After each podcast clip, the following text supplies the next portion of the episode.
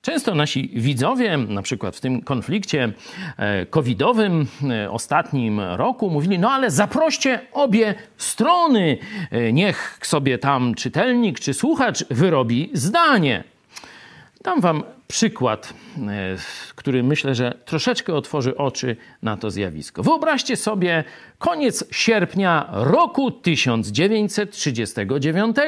Oto hitlerowska propaganda kierowana przez Goebbelsa oskarża Polskę o niecne czyny, o prowokacje, o mordy na Niemcach i tak dalej, i tak dalej. Polska mówi, my nie winni, to oni atakują, to oni prowokują, to oni chcą przesuwać granice. No i teraz powiedzmy taki widz we Francji mówi: zaprośmy Goebbelsa i może ministra Becka, i wtedy wyrobimy sobie zdanie. Jak myślicie, czy taka metoda by pomogła? Zwykłe, zwykle kłamstwo ma dwie cechy. Po pierwsze, jest bardzo dobrze i chytrze przemyślane, oddziaływuje na emocje, e, poddaje wątpliwość drugą stronę i jej prawdę.